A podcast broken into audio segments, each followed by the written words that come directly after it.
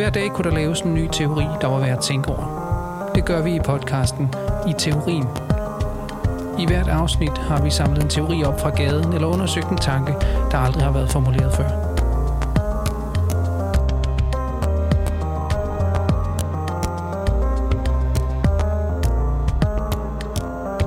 Ja, Altså den diagnose, eller hvad ved Er det en diagnose så, som er mere sådan...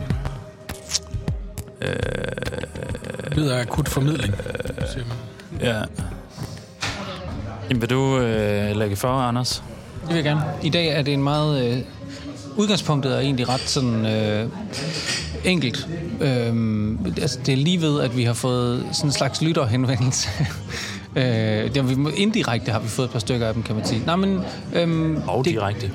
Ja, okay, også direkte. Det kommer os for øre, at, øhm, at folk, øh, folk, nogle mennesker, øh, som hører programmet, af og til synes, at det bliver for kompliceret. Eller at det måske er um, svært at følge med, eller øhm, at det, mm, hvad ved jeg, måske endda er sådan for, for lukket. Og det vil vi jo meget gerne tage sådan egentlig også meget øh, alvorligt, al den stund vi faktisk forsøger tror jeg, at gøre det så åbent, som vi overhovedet øh, kan. Altså sådan vidderligt inviterende.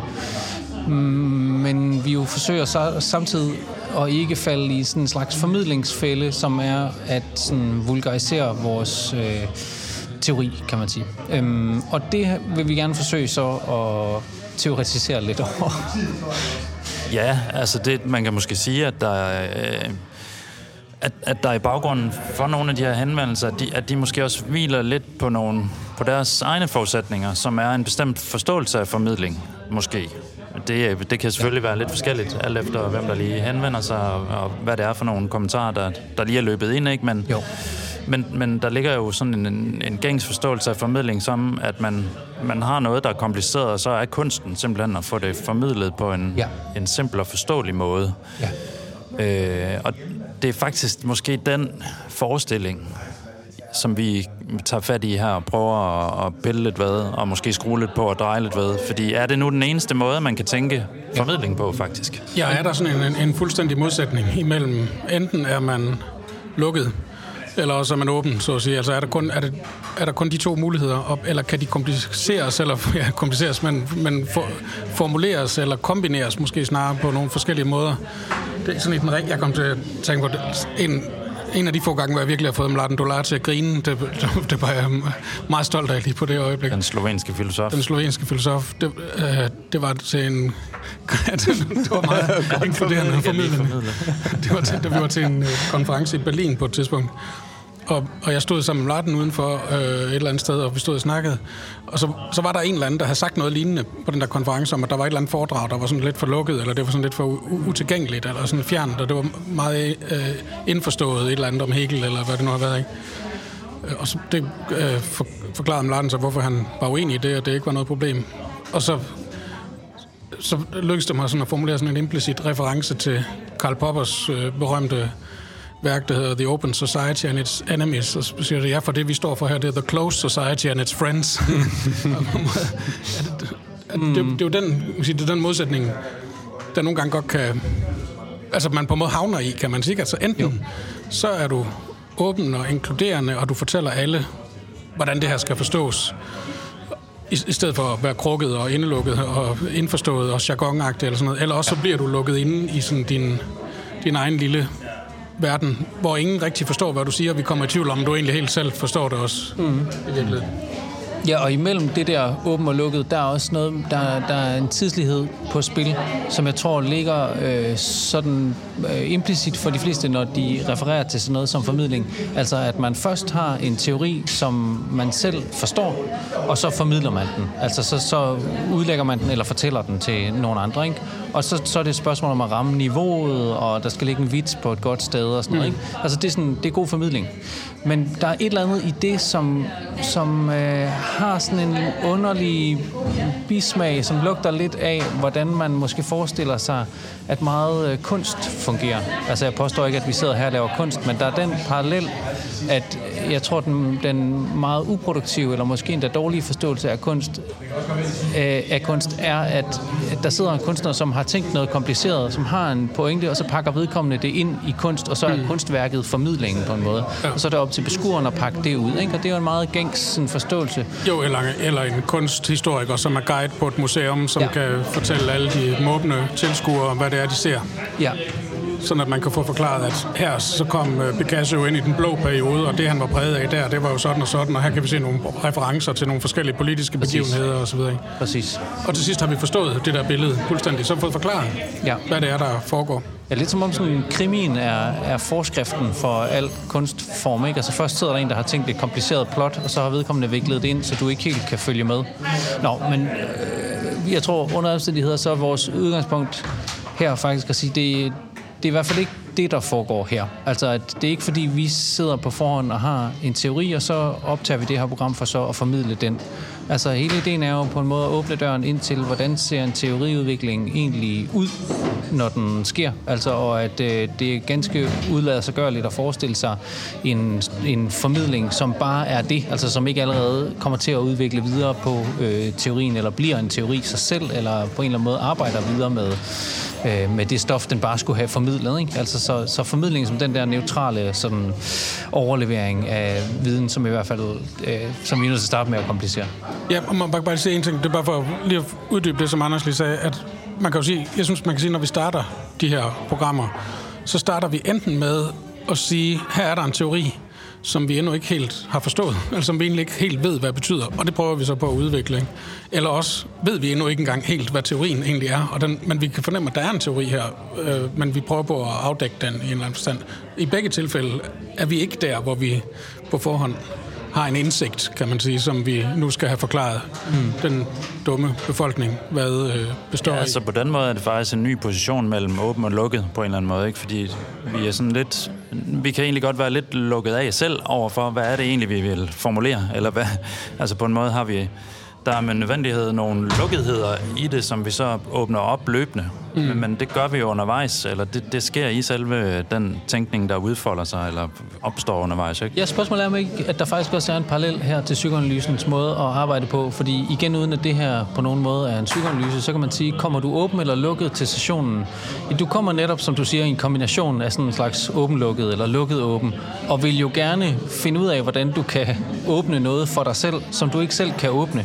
Mm. Og det kan man måske også sige gælder i, i teoriarbejdet, eller måske faktisk typisk er for fraværende i meget teoriarbejde, som forsøger at dække sig selv af og være lukket omkring nogle ting på en eller anden måde. Der ved man jo helt sikkert, at hvis man kommer sådan til sin psykoanalytiske session, så får man intet ud af det. Altså, så sker der absolut ikke noget, hvis det handler om at dække dig af og kunne forklare, hvorfor at du er blevet, som du er blevet, eller hvorfor du gør, som du gør, og det er også på grund af, og det er fordi, og så sagde min mor, og sådan, og sådan at okay, men så sker der ingenting, og så er du heller ikke faktisk interesseret i at finde ud af at finde den åbning. Og måske kan det samme sige som teoriarbejde, ikke? Altså, at øh, hvis, øh, hvis det var et spørgsmål om, at vi nu havde en klar teori om, hvordan formidlingen fungerede, og nu skulle vi så formidle det, så, så, øh, så var det helt sikkert, at der heller aldrig ville ske noget ny teoriudvikling, i hvert fald heller ikke her for, for mm. os. Nej, nej. Nå, men måske skal vi så prøve lige at tage den, øh, den opstilling, som vi sådan lidt arbejder os frem imod, at på den ene side, så findes der en, en sådan gængs måde at forstå øh, formidling på, som hedder, at du har noget kompliceret, og det øh, bliver så... Som typisk, forskeren har forstået, kan som. For, I det her, ja. Altså, det vil som regel være en, eller underviseren. forsker eller en ja. underviser, eller en, der har et, et vidensmonopol på en eller anden måde, ikke? Mm. som mhm. så som så tager sin viden, som er kompliceret, som stammer ud fra nogle komplicerede undersøgelser eller noget teori og sådan noget, og så tykker det igennem og formidler det.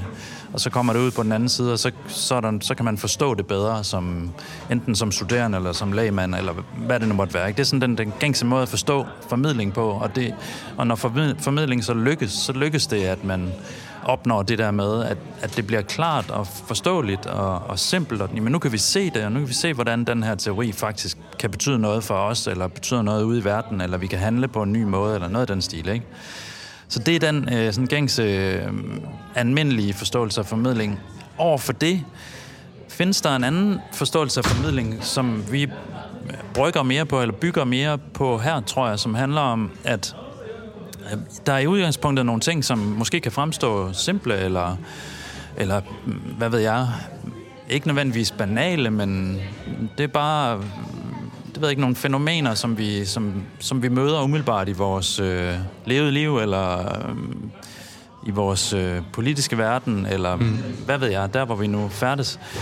Og, og ved at prøve at gå ind i dem og sige, hvad er det, der sker her? Hvad er der på færre? Hvad, hvad foregår der? Så kan vi i virkeligheden formidle dem, ikke? Altså, de, for, de, de formidles, fordi at vi sætter dem ind i noget teori, eller en kontekst, eller en ramme, eller sådan noget, og på en måde gør dem mere kompliceret et eller andet sted. Altså, på en måde trækker vi dem over i et mere kompliceret felt, fordi det er sådan. Altså, fordi tingene er på den måde, at de er, de er de har noget indbygget øh, modstand i sig på en eller anden måde, ikke? Og det er det, det handler om at få frem et eller andet sted. Ja, og man kan sige, så, så har vi også på måde sådan to forskellige forståelser af, hvad vi, jeg tror på en måde næsten, man kan sige, hvad, hvad man skal forstå ved selve ordet formidling. Altså fordi formidling sådan rent etymologisk, har et eller andet at gøre med et mellemled af en slags. Det har noget med at være gå imellem det ene og det andet. Man formidler imellem øh, A og B, ikke? Så når man går ind og, og i den, sådan, lad os nu kalde den sådan den traditionelle øh, model for formidling, ikke? så har vi en forsker, der formidler imellem en meget kompliceret viden, som vedkommende har sat sig ind i, og så nogle mennesker, der ikke kender til den viden, men han bringer dem, eller hun bringer dem på en måde i kontakt med hinanden, kan man sige. Og det kan godt være, at den almindelige dansker selvfølgelig ikke forstår alt, hvad der er at forstå om astrofysik, efter at have været til et foredrag med Anja Andersen, men man forstår dog noget om det i hovedtrækkene, som på en måde er sådan en bevaret, transformeret sandhedsværdi, som på en eller anden måde stammer ja. tilbage fra den viden, hun har sat sig ind i. Ja.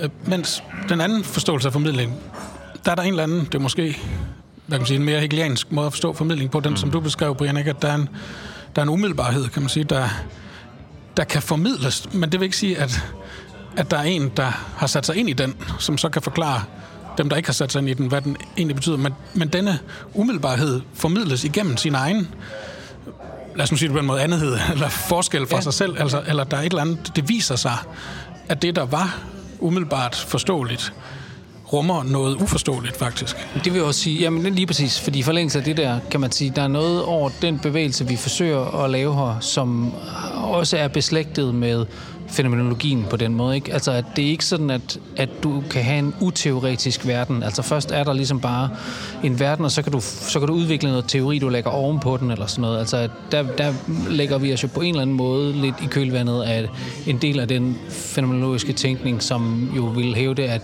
nej, det er nærmere bare et spørgsmål om, at du kan have teorier, du ikke er bevidst om. Altså, man, din måde at gribe verden på er altid i et eller andet omfang teoretisk. Altså, der, der er allerede en teori på spil, og det er måske også derfor, at man kan sige, at når du så tager noget, hvis vi holder fast i den der model, I begge to lige havde gang i at tegne op, så handler det lidt om at sige, at der er et forhold mellem simpelt og kompliceret, ikke?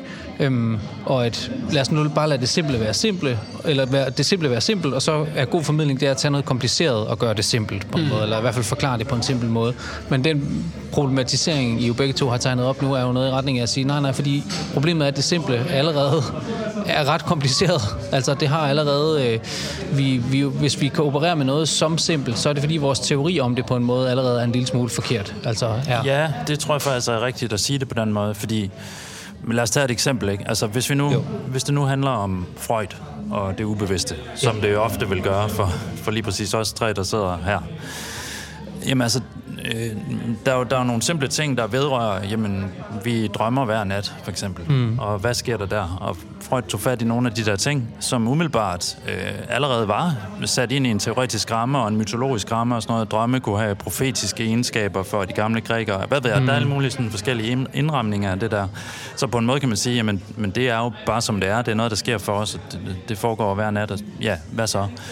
Men Freud tog det der og, og gjorde noget, der egentlig på en måde var, var simpelt, men lidt, måske lidt forkert at sige det sådan, ikke? men i hvert fald manglede der noget, som kunne lukke det der op på en anden måde, sådan så vi fik Øh, og man også, forklaringerne var jo også simple i den forstand. Ja, det Freud starter med at, at ja. fortælle om i drømmetydning. Han har en lang indledning, hvor han sådan gennemgår, hvad er det ja, egentlig, folk siger om drømme. Ikke? Altså, findes. det er jo ja.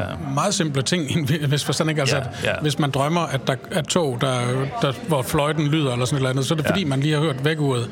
Og så prøver man på ja. at forlænge søvnen, og derfor så inkorporerer man vækkeuret som en togfløjte i sin drøm, og så videre. Ikke? Ja, okay, fordi så, ja, det tror jeg er en mere præcis måde at sige det på. Det er jo ikke fordi, at, at, at, øh, at der bare findes fænomener derude, som er fuldstændig simple og uden teori. Det var også det, Anders lige sagde. Ikke? Så der vil altid være øh, teorier, der indrammer de forskellige ting, vi, vi møder rundt omkring. Og de teorier kan for så godt være, altså de kan være mere eller mindre komplicerede. Der kan være rigtig mange teorier. Altså Freud gennemgår mange teorier, der er i indledningen af, af, af drømmetydning, ikke? for ligesom at vise, at jeg har skulle læst det, og jeg kan godt min lektier og sådan noget. Men det er ikke det, jeg vil. Jeg vil vise jer, hvordan det her, hvordan drømme er kongevejen til det ubevidste, ikke? og det ubevidste er en sten i skoen det ubevidste er noget, som vi ikke øh, kan stille os op som de her store, fornuftige videnskabsfolk og sige, nu har vi nu har vi godt nok øh, skruet på øh, hele apparatet, og det er så meget komplekst, men nu kan vi skære det ud i pap for jer, og nu kan vi levere det til jer i simple øh, begreber, eller simple kasser og bokser og sådan noget, så I kan gå ud og bruge det i jeres liv. Vi har dykket ned i kvantemekanikken, men nu kan vi lave en kvantecomputer, og den kan regne alt muligt ud for os, og hvad er det godt, og hvad er det fantastisk og sådan noget. Okay, ja, så kan man tale om den der formidlingsbevægelse, der går fra det komplicerede og nørdede til det simple. Men Freuds bevægelse er omvendt. Mm. Altså, den er, at jamen, der er noget her, som... Ja, igen, der kan godt være mange teorier omkring det, men vi skal, vi skal endnu længere ud. Ikke? Vi skal derud, hvor teorien møder sin egen grænse, eller mm. noget af den stil. Ikke? Vi skal presse teorien til et punkt, hvor, hvor den selv går en smule i stykker, eller hvor der er et eller andet, der åbnes, eller hvor der er et eller andet, der, der forløses på en anden måde i selve det arbejde. Og det er det, det, det, det går ud på. Ikke? Og det er også det, hegeliansk formidling går ud på i altså, øh, det, det store værk, Åndens fenomenologi, ikke? Hvor, hvor vi møder forskellige af åndens øh, selvfremstillinger på forskellige mm. niveauer eller stadier i, i åndens fornuftens udvikling af sig selv. Og der har vi bare sådan bestemte opstillinger, hvor jamen, det giver mening at forstå verden på den her måde.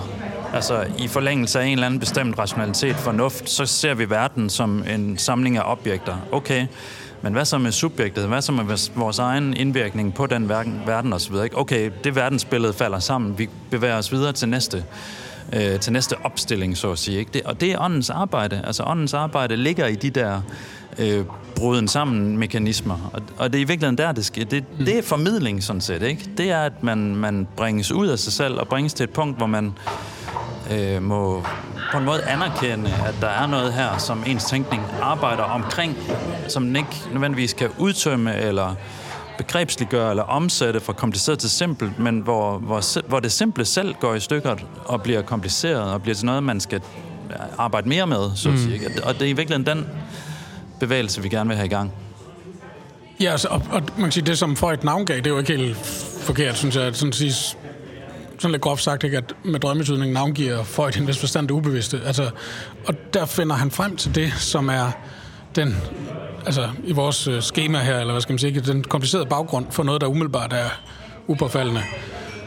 Og, og, og det var, det var en navngivning, som indstiftede et problem, kunne man næsten sige, hvor der egentlig ikke var et problem før i den forstand, som Freud øh, identificerede det, som vi stadigvæk arbejder med. Altså, det er stadigvæk sådan, at du kan finde øh, nogle af det, i hvert fald vi vil kalde de fremmeste filosofer og psykoanalytikere rundt omkring i verden, ikke, som, som kæmper med at forstå, hvad fanden skal vi forstå ved det der begreb om det ubevidste egentlig. Det er endnu, det er endnu ikke det er endnu ikke udtømt. Det er endnu ikke på plads, eller hvad skal man sige. Og, og, det, og det siger også bare for, for at sige, det er jo ikke fordi, der er et ideal i at gøre nogen forvirret, eller gøre nogen øh, frustreret over at sige, det her, nu skal du bare høre, det her, det tror du er, i virkeligheden er meget simpelt, men nu skal jeg vise dig, hvordan det er så vanskeligt, at du ikke øh, kan forstå dig om et kvarter, så er du helt forvirret. Mm. Men altså, det er på en måde, der er en, hvis der er et ideal om formidling i, i den tilgang, så er det på en måde at forsøge, jeg ved sgu ikke, hvad man skal sige, at gøre det klart, hvad det er, vi ikke kan forstå, mm. eller noget i den retning. Ikke? Altså, vi starter et eller andet sted, og så ender vi med at sige, det her,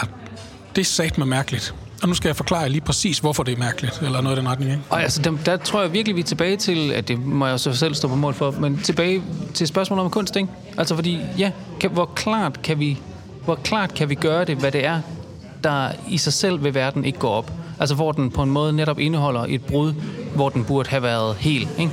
Og, og, og der, det er jo heller ikke en, en øh, sådan guruagtig indsigt, som en eller anden øh, stor, genial kunstner har haft, og nu så må formidle, som, så fordi at, at verden er ved at er, er kompleks, så tegner jeg et meget komplekst netværk af uger, der smelter og alt muligt andet. Altså, det, det, det vil jo være en ufattelig naiv kunstforståelse på en eller anden måde. Øh, men at der netop er, øh, mm, der er en praksis involveret. Der er den praksis, at man, altså, der findes ikke et før formidlingen, som er lige med efter formidlingen. Altså, det, det, det, det er det, der er selve arbejdet. Det, det, det er der, det sker. Altså, øh, det, det uformidlet kunst er jo øh, nonsens på en måde, men formidling er bare ikke det at forklare kunsten.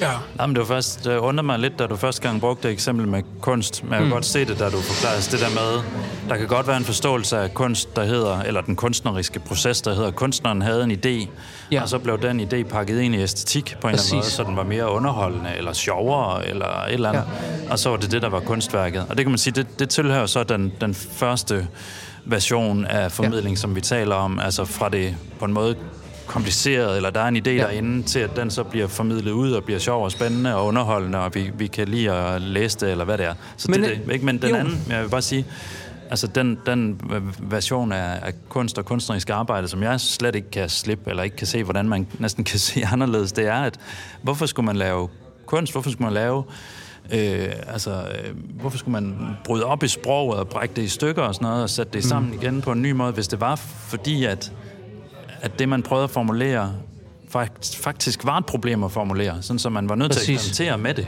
Altså præcis. man var nødt til at, at lige præcis øh, gøre vold på sproget, eller på, på maleriet, eller på ja. det plastiske, eller ja. hvad det nu er, for at få det der frem, altså for at få den knude frem, som det på en eller anden måde drejer sig om i, ja. i værket, ikke? Så det er de to forståelser Må jeg komme med et eksempel ja. også der? Så på det, et af mine egne gamle eksempler, som jeg fik foræret af en idéstokker, der hedder Jesper Garsdal. Han øh, introducerede mig for den tyske kunstner, der hedder Josef Beuys, som lavede sådan et ret specielt værk, der hed Wie man dem toten Hasen de billeder erklært.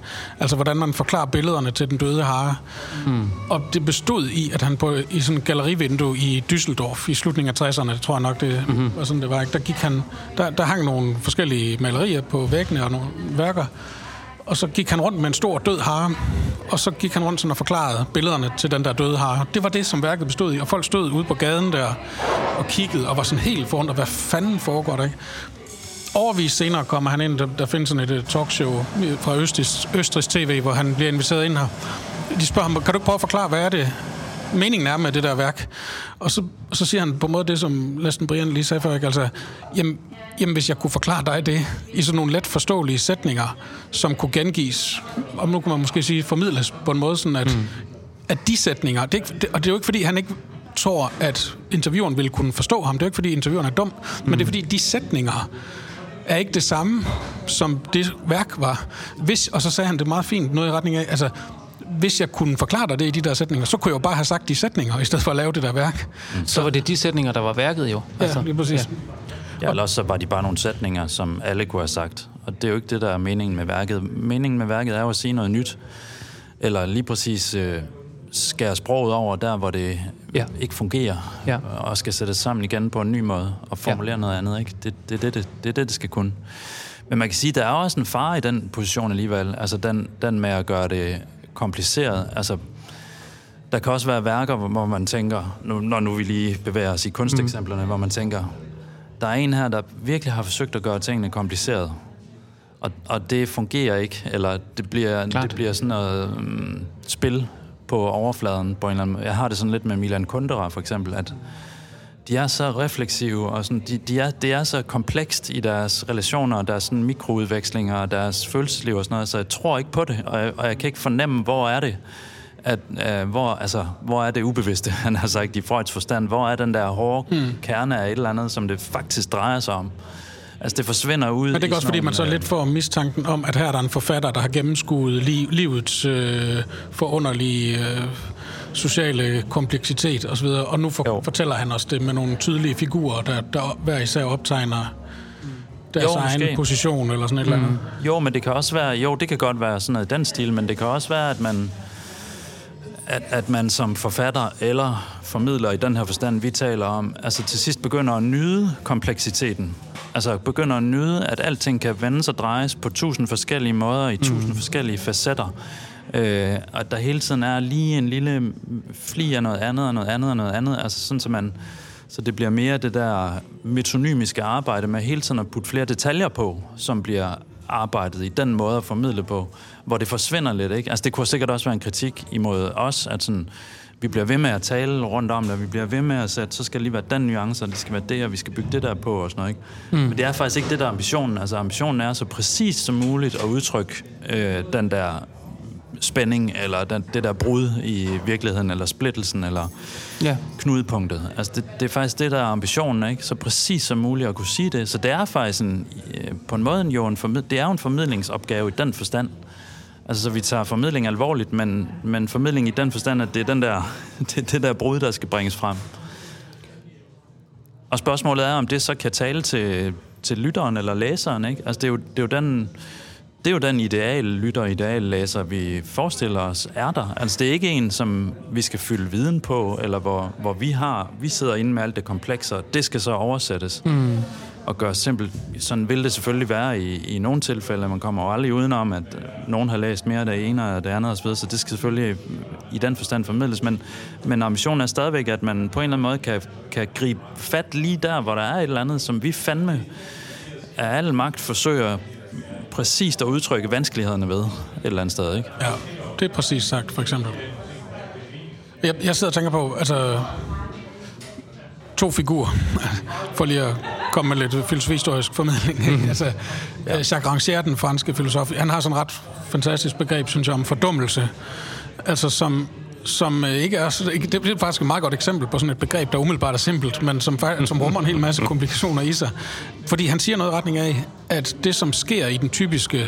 Nu oversætter jeg det måske lidt til vores sammenhæng, ikke? Den typiske formidlingssituation, eller undervisningssituation er det jo nok for ham. Altså, det er, at der er en lærer, der stiller sig op og siger, jeg ved en hel masse meget vanskelige ting, og nu skal jeg forklare dig, eleven, det, som ikke forstår dem.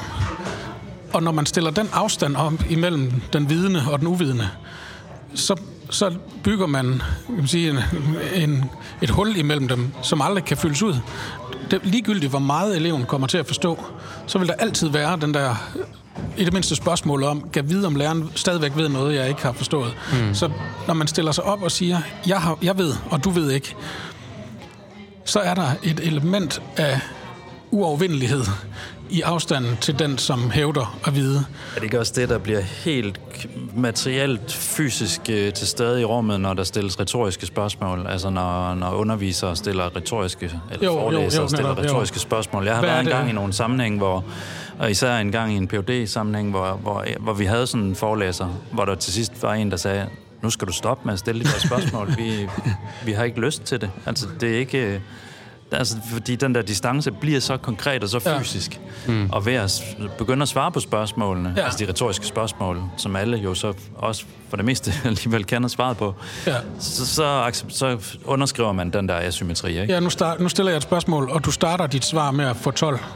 Og for hver gang du laver en fejl, så skriver jeg din karakter en ned, ikke? Ja, kan man sige. Så man sige, du kan ja. kun fejle. Og, men så tænker jeg så, den modsatte figur, det kunne på en måde næsten være Kirkegaard, i hvert fald i en vis fortolkning af Kirkegaard. Ikke? Altså det, som Kirkegaard siger for eksempel om den indirekte meddelelse, det er jo på en måde, at jeg er ikke nogen mester. Jeg er ikke nogen herre, som han siger om Hegel, der taler med sådan en herskerens stemme, siger han på et tidspunkt. Altså, jeg er ikke den, der ligger inde med en sandhed, som du skal forstå, men jeg vil gerne have dig på en eller anden måde presset derhen, hvor du selv begynder at tænke, eller nu siger jeg det måske lidt på en anden måde, end Kierkegaard selv vil sige det, ikke? men, men der, der er på en måde i hvert fald i det mindste, kan man sige, en ambition hos Kierkegaard om at arbejde sig væk fra den der fordummelsesmodel, hvor man gør den anden dum. Altså vel at mærke hos Rangier, så, så er dumhed simpelthen det, at det er, at dumhed er en resultat af fordummelse. Mm. Der er ikke en dumhed i udgangspunktet, som skal overvindes. Dumhed skabes af fordummelsesakten, kunne man sige. Ikke? Så man kunne også sige på en anden måde, det som Kierkegaard ville, det var på en måde at undgå, at vi bliver gjort dumme. Altså, at den enkelte hos Kierkegaard, det er den, der formodes ikke at være dum, kunne man måske næsten sige. Ja, det på en, men så kan man så sige, at det modsatte af, af fordummelse på en måde godt kan ende i noget, som så alligevel godt kan være ret fortænkt, men som næsten sådan med nødvendighed er fortænkt. Altså fordi Kierkegaards forfatterskab med alle de her forskellige øh, udsigelsespositioner, ikke? Som, som jo også har den der sådan barokke øh, konstruktion over sig, men, men pointen er jo, som du siger, at der er ikke en af de stemmer, som, som formulerer sandheden, altså som siger, sådan her er det, det er den lærer, jeg har, den kan du så vælge at, at gå med på, kære elev. Altså stemmerne er alle sammen versioner af, af Kierkegaards mm, tale, men, men, men, og, men de formulerer alle sammen en slags vanskelighed ved at også være i talen og ved at have en lærer overhovedet osv. Ikke? Og det er det, man, og det er den indirekte meddelelse. Så kan man jo selv putte sin egen subjektivitet ind i den maskine, ikke? Men, men øh, no, bare, for, bare fordi det var på en måde en lidt sjov øh, opstilling, man kunne lave der mellem fordummelse og, og fortænkelse på en måde. Ikke? Altså, at det sådan er to... Fordi man vil gerne have... Øh, Kierkegaard vil gerne have læseren til at tænke. Mm. Ikke? Og, og der er ikke rigtig andre veje, end at, at, at lave sådan et, et ret kompliceret maskineri af forskellige stemmer, der taler på forskellige måder. Nej, og man kan også, det, det, det åbner så også for, man kan også sige, sådan noget som det, vi laver her, det er på en måde også fortænkt. Mm. Altså, det er jo sikkert også derfor, at der er nogen, der tænker, det, det ved jeg ikke lige, hvad jeg skal stille op med. Altså, og i den forstand, og det er ikke for, altså, jo, men altså, hvis vi bliver i vores, to, øh, vores, vores dikotomi der, ikke, så kan man sige, at at det som forskningen og tænkningen og undervisningen og formidlingen osv. først og fremmest ikke må være i dag, så er det på en måde fortænkt. Altså, mm. Og det bliver, for, det bliver meget hurtigt sådan, at nu, nu bliver det noget fortænkt noget. Altså nu, vi skal, vi skal prøve på at forstå, hvad det er, du har forstået, og så skal vi se, hvad vi kan bruge det til. Altså, derfor er den der, altså det er jo en af mine kæpheste i mange år, den der phd kop som jeg tror, der Dagbladet Information var ulyksalig nok til at indstifte. Ikke? Altså det er for mig altså, en formidlings forbrydelse nærmest. Ikke? Altså phd studerende tvinges til at forklare deres forskning på tre minutter til den almindelige offentligheds vurdering af, hvor, hvor, hvor relevant eller spændende den forskning ser ud til at være. Ikke? Altså, I, I en kop mod hinanden? I en hvor kop man, imod hinanden, ja, hvor de konkurrerer om, hvem der Ja, ja. Og måske skal vi lige have Jacques Derrida ind her, som sådan, øh, altså på en måde lidt en, et resume af nogle af de pointer her, men måske også en lille bro videre, fordi Øh, Derrida blev interviewet i 1995, da han blev tildelt et æresprofessorat i Cambridge. Og inden han havde fået den der Okay, det var et par år inden han fik øh, professorat. Jeg tror, det var i 92, han fik tildelt sådan deres professorat i ja. Cambridge. Og så, var det bare det forreste, undskyld, men der, der var sådan en række analytiske filosofer hovedsageligt, der skrev et officielt protestbrev ja. til universitetet, hvor de protesterede oh, ja. imod, at det der stod til den udnævnelse, fordi at han var jo obskurantist, som de sagde i deres brev der på et tidspunkt, som enhver kan forvisse sig om ved at slå op på en hvilken som helst side af hans værker ja. og læse. Og så kan man jo se, at han, han er totalt uforståelig. Ja. Okay, hvorfor kan man ikke indvende det mod matematikken, for eksempel? Slå op i, altså, i hvilken som helst bog, så tage fire ja, tilfældige tal ud, du kan se, det er jo meningsløst, altså. Ja. Ja, det var en meget, på den måde en meget en kritik, der var vanskelig at imødegå, kan man sige. Men det er der, jeg forsøgte. Øh, og han sagde der i det der interview så i 95, øh, citat, man må lære læseren såvel som den studerende, at en, diskurs, en, at en diskurses vanskelighed ikke er en synd, og heller ikke effekten af obskurantisme eller irrationalisme. Og at det ofte er det modsatte, der er sandt. Obskurantisme kan invadere et kommunikationssprog, der til synligheden er direkte, simpelt og ligefremt. Og jeg tror, der, der er en eller anden øh, spontan oplevelse af det der med de der phd kops som er det der, altså fordi der får du det simple og lige fremme kommunikationssprog, og fem slides og præcise øh, billeder, og sådan helt skåret ind til benet. Og man sidder med fornemmelsen af, der, det, kan jo, det er jo ikke hele, det er ikke historien det her, eller det er en historie det her, kan man også sidde og tænke, som på en eller anden måde alligevel ikke øh, rummer det, som den phd studerende forhåbentlig har siddet og lavet, eller kæmpet med, eller, eller virkelig arbejdet med, ikke? Altså, Øh, vi får på en eller anden måde den der indpakning, men, men hvad er det egentlig, indpakningen er omkring? Altså, det bliver sådan underligt luftigt, og man forstår det ikke helt, og det bliver meget obskurt, faktisk. Altså, man sidder hele tiden fornemmelsen af at blive snydt en lille smule. Ja. De snyd, der er et eller andet snyd i det, eller der er noget, de ikke får med, eller det er ikke helt rigtigt, det her. Man kan ikke sætte fingeren på det, fordi kommunikationen er så så flydende og så, så velformuleret. Ikke? Og så minuttet efter kommer der en ny øh, phd studerende som ved noget om myrer, og så kommer der en, der ved noget om hvad ved jeg, øh, klimafænomener eller sådan noget, så, og det kører bare over i hinanden. Og det glider så let, så man på en eller anden måde har fornemmelsen af, at det forsvinder mellem fingrene på en. Og det, det er der sgu en obskurantisme i, på en eller anden måde, ikke? Jo. Og ikke, altså, og en flugt på en eller anden måde, ud i sådan en eller anden mystificeret sfære, hvor alting egentlig bare er små vidensbrikker, der passer sammen i sådan et Tetris-spil, ikke? Og så går de ned, falder de ned fra himlen, så går det op på en eller anden måde, og så er, vi, så er det løst og, og der er et eller andet i det, som er obskurt, simpelthen. Og Derridas pointe er, at man bliver nødt til at forblive den diskurs, der er vanskelig. Og det er ikke fordi, at det, man, at det nødvendigvis skal være vanskeligt, eller vi skal gøre det svært for folk. Det er fordi, det er svært.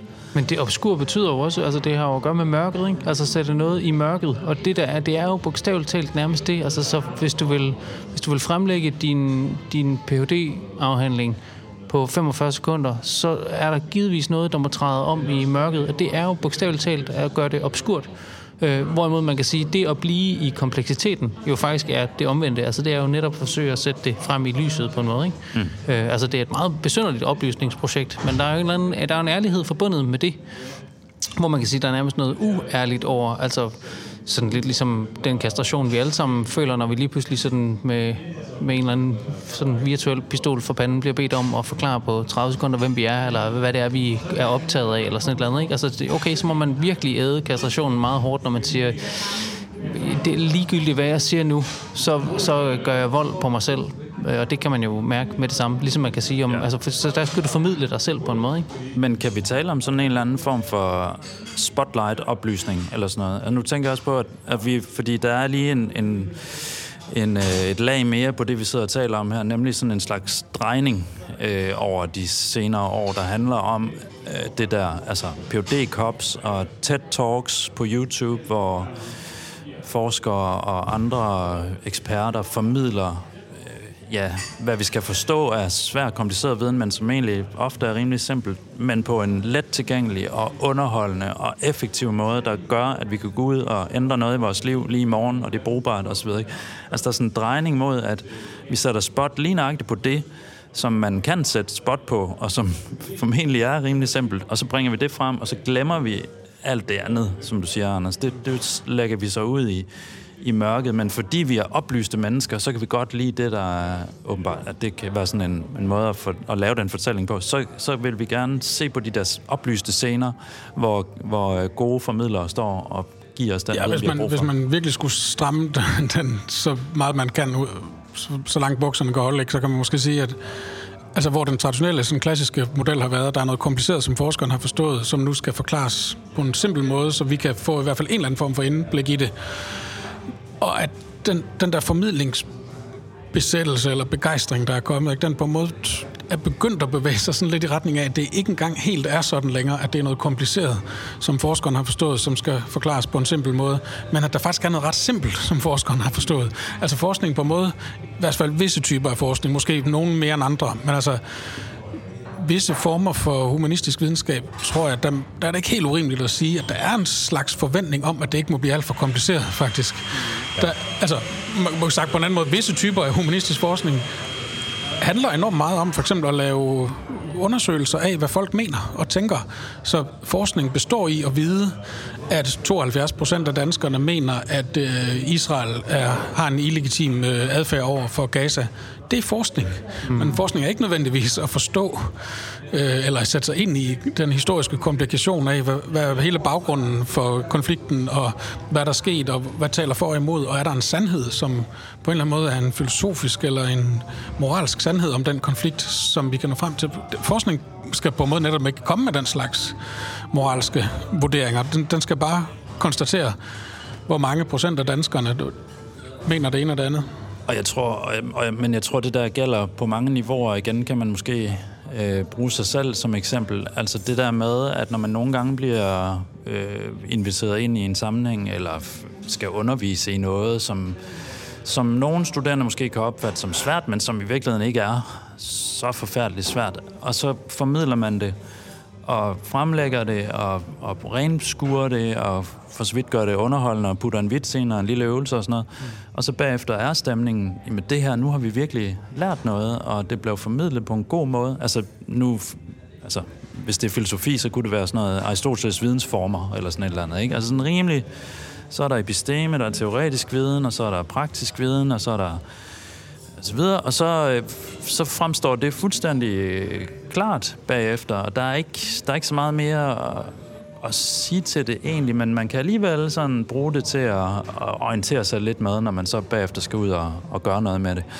Og, og det er jo bare den tendens, som virke, der er virkelig blevet skruet op for den knap, der hedder, kan du ikke koge det ned til en dualisme, eller kan du ikke koge det ned til fem øh, highlights, eller gode tips, eller retningslinjer, eller okay, vi er ikke så meget for retningslinjer og handleanvisninger, men mere opmærksomhedspunkter, så det kan du måske godt gøre. Ja, okay, det kunne man så måske godt gøre. Altså så er man inde i den der formidlings øh, mølle, ikke? Hvor, hvor ikke engang det komplicerede bliver tilbage, så den kan man ikke have, men det har lige et skær af, okay, der er en eller anden lidt svær problemstilling, og så oversætter vi det ind i den der øh, simple, nogenlunde simple Ja, og hvis man retorik. trækker den ud igen i sådan samfundsdebatten, kunne man sige, altså jeg hørte en, po- en podcast for lille med øh, den amerikanske podcaster, der, der hedder Ezra Klein. Øh, han, øh, han er ved at lancere sådan en hel serie med samtaler om Israel-Palæstina-konflikten. Øh, og som introduktion til det, så fortalte han lidt om sådan sin, sin bekymring for sige, den situation, der er ved at opstå, hvor det, at, som han kaldte det, øh, at præsentere kontekst i sig selv er blevet skandaliseret. Og han, han tog et citat fra en bog, der handlede om 9-11-perioden, øh, som det bliver kaldt, altså æraen i amerikansk politik, ikke? hvordan det, der skete efter 9-11, det var netop en ekstrem forsimpling af sådan øh, politisk verdenshistorie og øh, USA's øh, rolle i verden og terror og krig og så videre, ikke? sådan at enten er du med os, eller også er du mod os, som George Bush sagde. Ikke? Altså, og, og i den bog, øh, så citerede Klein derfra, at, at strategien for, for den politik, der opstod der i USA, det var to make scandalous every presentation of context. Ikke? Og, og det er det, han siger, det er det, der nu er ved at ske i forhold til Israel-Palæstina-konflikten, ikke? At, at enhver kontekstualisering og forklaring og, og, og ambivalens, altså en, en, ja. en åbenhed over for, at der er traumer og ulykker og uretfærdigheder, øh, og så vil jeg ved at sige på begge sider, ikke? Men, at det, at, men også, at det ikke nødvendigvis er sådan, at man bare kan sige, at det er der så på begge sider, og så kan det gå lige op. Altså, det, det er jo ikke det, der er pointen, men altså, at,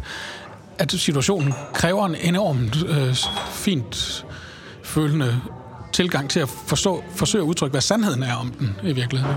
Altså, jeg tror lige præcis det med den skandaløse kontekst er helt præcist, og måske også et godt sted at, at, at på en måde runde af. Altså, fordi det, der er den oplevelse af, altså den oplevelse, jeg lige havde fat i af at stå og formulere noget, som er forholdsvis simpelt, eller som i hvert fald på en måde også er, er lidt neutralt, eller som er en, en udlægning af nogle begreber og kategorier og sådan noget, som vi allerede kender, eller en bestemt fortolkningsramme, som vi allerede kender, og så kan den nogenlunde glide ned, og alle har det godt bagefter, og man selv som, som forelæser, eller hvad man nu er budt ind som, bliver rost for sit arbejde osv., og så er der den omvendte oplevelse af at bringe noget skandaløs, skandaløs kontekst ind i en situation, ikke?